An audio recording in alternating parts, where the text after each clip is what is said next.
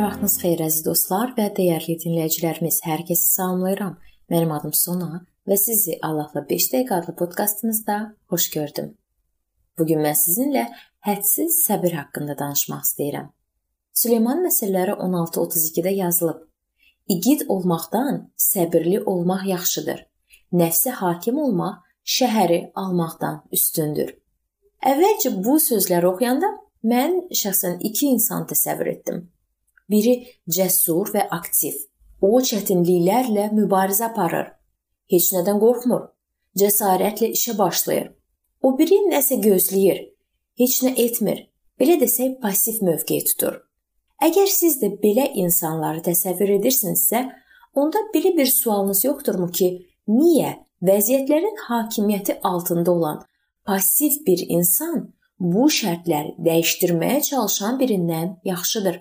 Bu suala cavab vermək üçün səbrin nə olduğunu özümüz müəyyənləşdirməyə çalışaq. Əslində səbir kifayət qədər çox mənalı sözdür. Bizdən asılı olmayan vəziyyətlərə səbr edə bilərsiniz. Məsələn, bir xəstəliyə. O zaman bu ağrıdan əziyyət çəkməyə məcburiyyətdir. Və ya yaya qədər qarpız yemək üçün dözə bilərsiniz. Onda bu bir gözləntidir. Narahat qonşulara dözürsünüzsə, Bu müəyyən dərəcədə itaətkarlıqdır. Həmçinin səbri pisliyə, təcavüzə və haqsızlığa qarşı müqavimət göstərməmək adlandırmaq olar. Bu gün ən çox mübahisəyə səbəb olan bu cür səbirdir. Çünki bu gün öz hüquqlarınız və rahatlığınız üçün mübarizə aparmaq adətdir. Məsələlər kitabında belə sözlər var. Tənbəllik insana dərin yuxu gətirər. Avaralıq insanı ac qoyar. Süleyman məsələləri 19-15 və başqa mətndə yazılıb. Çalışqanın niyyəti xeyir gətirər. Tələsən ehtiyac içinə düşər. Süleyman məsələləri 21-5 Bu müqəddəs kitab mətnlərində səbir açıq-aydın mənfi məna daşıyır. Ya tənbəlliyin, ya da tələskənliyinin birbaşa nəticəsidir. Və müqəddəs kitab bu insanları nə səbirli, nə də hədsiz səbirli adlandırır. İndi deyəcəyim sözlər Benjamin Franklinə aid edilir. Baxın, o deyib: "Sakitlik və səbr daxili gücün ən böyük təzahürləridir və bu gücə sahib olan hər şeyə nail ola bilər." Bu sözlər doğrudan da əvvəldə oxuduğumuz mətnə çox uyğundur. Səbr, daha doğrusu hədsiz səbr ilk növbədə Allahımıza xas olan keyfiyyətdir və biz səbri ondan öyrənməliyik. Müqəddəs kitab Allahı dəfələrlə səbirli və itmiş yaratdıqlarına qarşı mərhəmətli adlandırır. Onun səbirliliyi onda ifadə olunur ki, o bizə hələ də tövbə edib ona yaxınlaşmaq imkanı verir. Peterin dediyi kimi, Rəbb vədini yerinə yetirməkdə gecikməz, lakin sizə görə səbr edər. Çünki o heç kəsin həlak olmasını istəmir, amma hər kəsin tövbə etməyini istəyir. 2 Peter 3:9 Müqəddəs kitabda imanlı səbri Allahı razı salan xarakterin inkişafı üçün addımlardan biri kimi təqdim olunur. 2 Peter 1-ci fəsil 3-cü ayədən 7-ci ayəyə qədər bu fikir tapa bilərsiniz.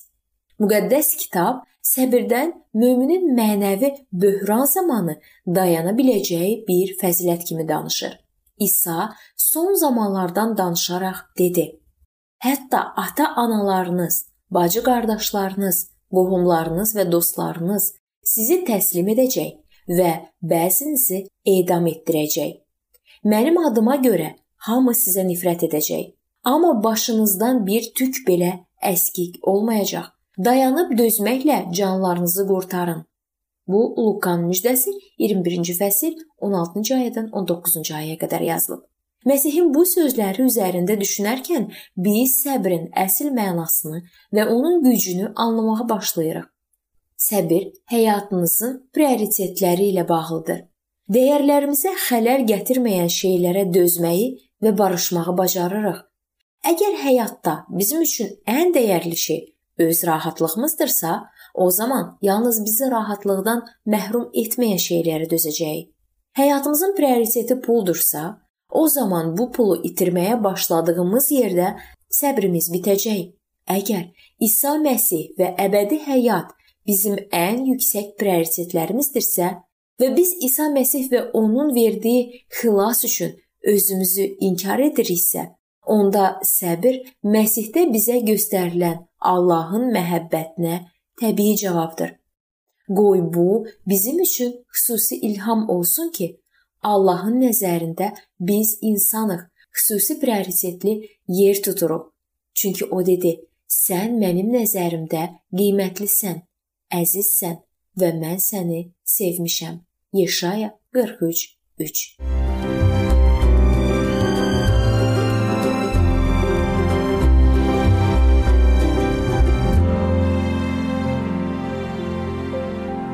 Beləliklə əziz dostlar, bu gözəl mövzu burada sona çatdı.